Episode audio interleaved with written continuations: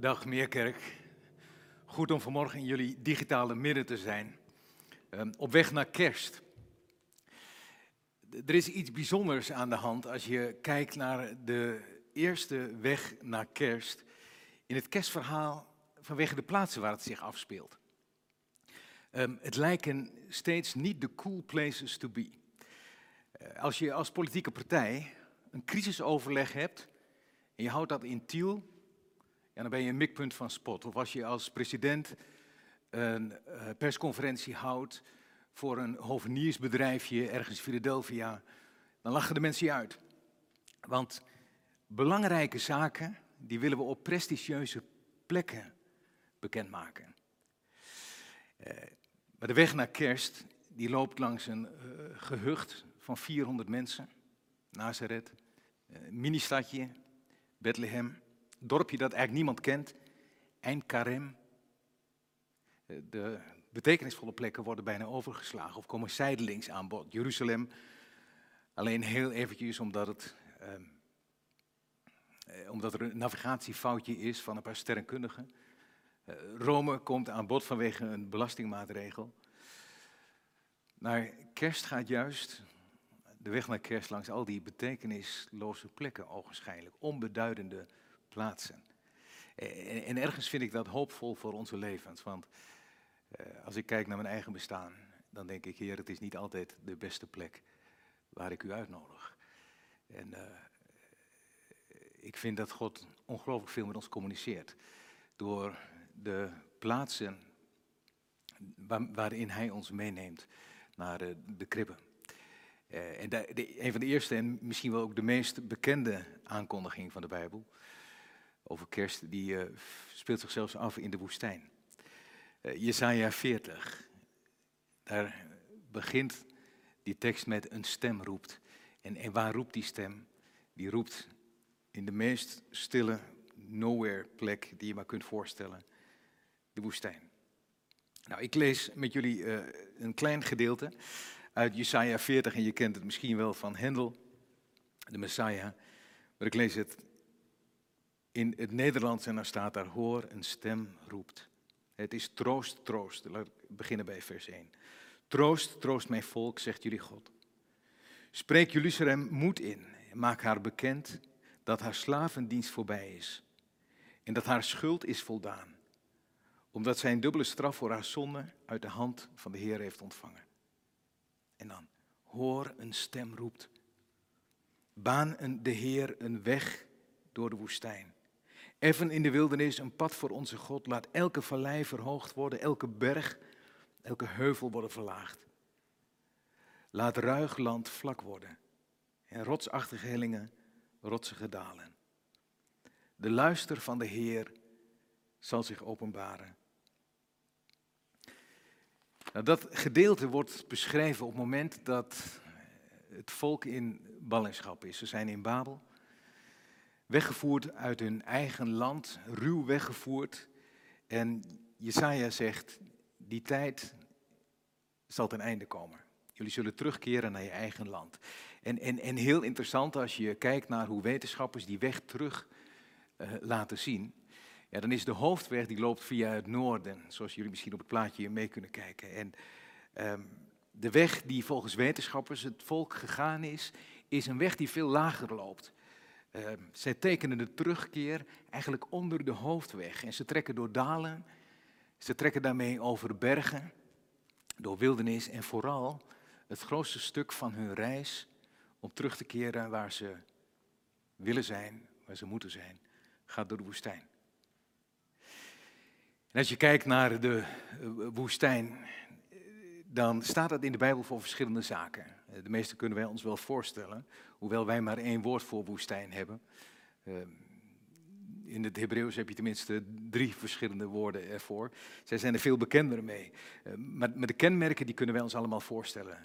Het eerste, in de woestijn denk je aan droogte. Aan extreme temperaturen, aan heel weinig plantenleven. En je bent er alleen. Ten diepste, als het in de Bijbel over woestijn gaat, en als wij nadenken over woestijn, dan gaat het over wat we niet hebben. Je hebt weinig eten, Je hebt nauwelijks drinken en er is geen comfort. Dus als je je in de woestijn bevindt, ben je geneigd om te spreken over droogte, over hitte, over onherbergzaamheid, over hoe ongelooflijk moeilijk het is. In de woestijn spreek je over wat je niet hebt. Nou, de woorden uit Jesaja die worden opgepakt door Matthäus. En, en hij plakt ze letterlijk op de wegbereider van Jezus, Johannes de Doper. Um, gisteren las ik dat we, de Volkskrant de meest invloedrijke Nederlander gekozen heeft. Uh, en dat bleek Kim Putters te zijn van het Sociaal Cultureel Planbureau. Ik dacht, Kim wie? Nog nooit van gehoord. Um, in het nieuws waarin die werd aangekondigd, ging het er ook vooral over dat Jaap van Dissel tweede geworden was. En die kennen we allemaal. Um, hoe kan het? Het is ook al voor het tweede jaar op rij dat deze man de meest invloedrijke persoon van Nederland geworden is. En, en, en niemand kent hem. Nou, daar moest ik een beetje aan denken bij Johannes de Doper. Uh, Jezus zegt, Johannes is de grootste onder de profeten. Maar als je hem zoekt, dan vind je hem in de woestijn. Want hij zoekt geen aandacht voor zichzelf.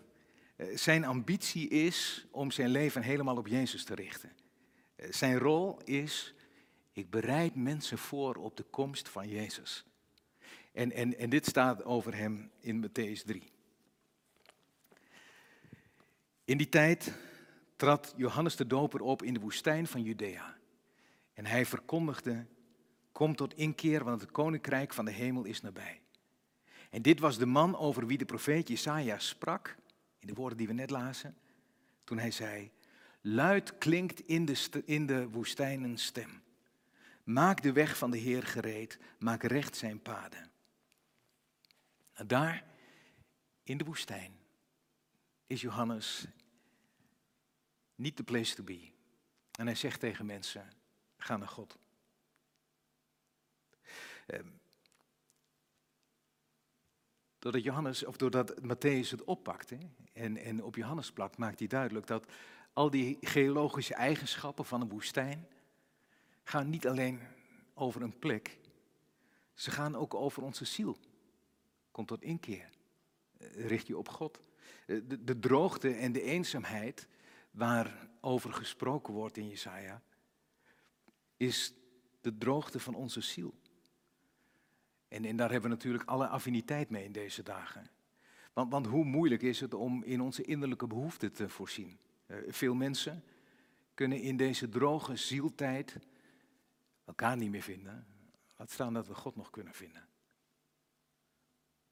En je vraagt je onwillekeurig af als je dit leest, voor welke droogte staat de woestijn in Advent 2020?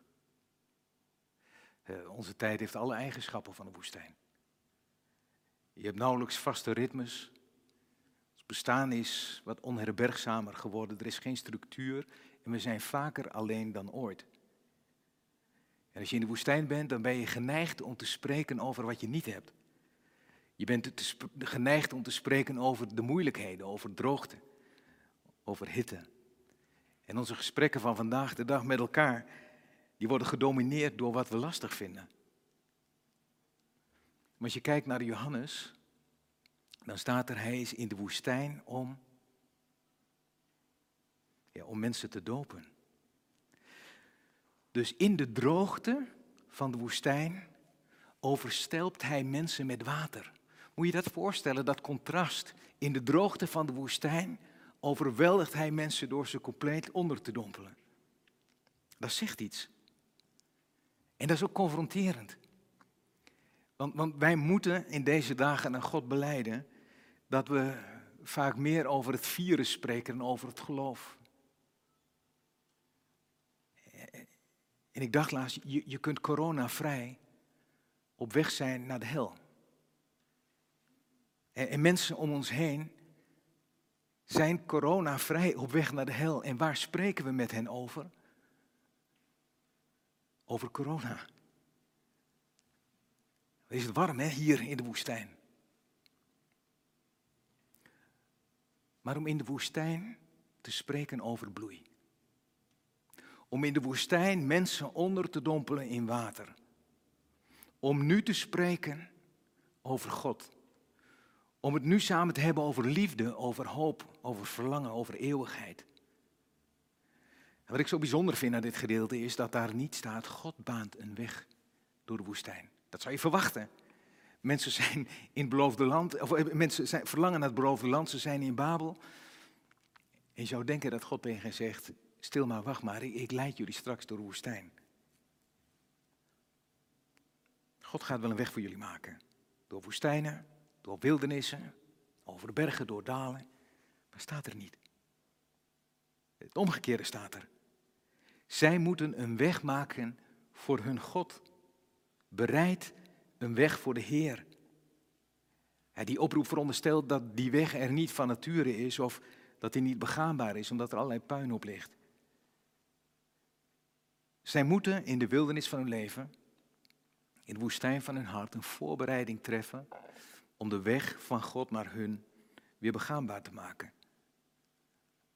En dit vind ik wel een belangrijke hoor voor onze tijd, want hoe vaak bidden we niet, Heer, wilt u me gelukkig maken?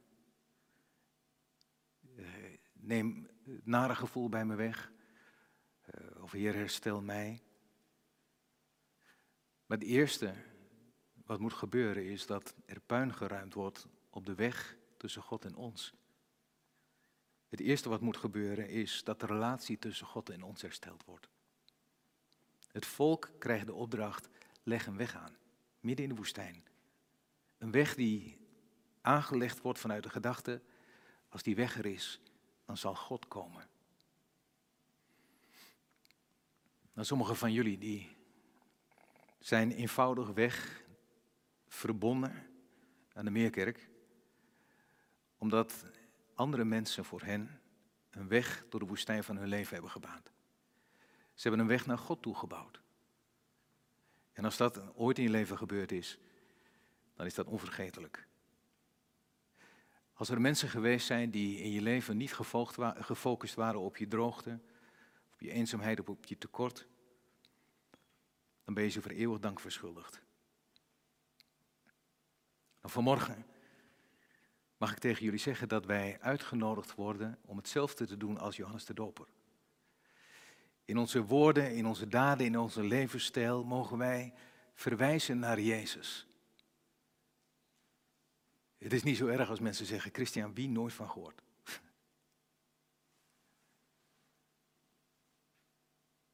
Maar ik wil wel graag dat ze Hem kennen, naar wie dit leven verwijst.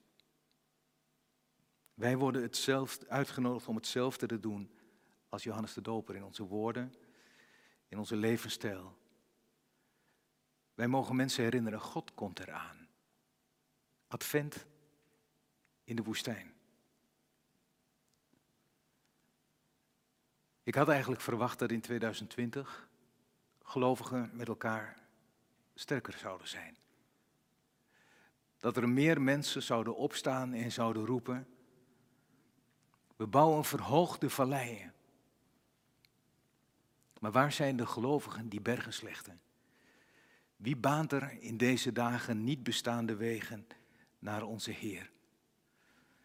Het lijkt soms alsof we geneigd zijn om allemaal gewoon terug te vallen op ons eigen erf en de tijd wel uitzitten. Maar onze familieleden, onze vrienden, de mensen op ons werk, de mensen op onze scholen, zij zouden de eerste moeten zijn die er baat bij hebben dat wij van Jezus Christus houden. Vind het mooi, jullie hebben drive-in kerst. Jullie hebben gelegenheden om een uh, weg te banen. Om mensen te vragen van kijk eens verder dan de hitte in de woestijn. Ga naar God door de woestijnelementen van je leven. Meer kerk, Kerk van Jezus Christus. Ik hoop dat jullie in de komende dagen, in de weken die voor je liggen, in de rest van je leven je bewust bent dat je een wegenbouwer bent. Een wegbereider van God, die dwars door de woestijn God in de gelegenheid stelt om dichtbij te komen. Mag ik met jullie bidden?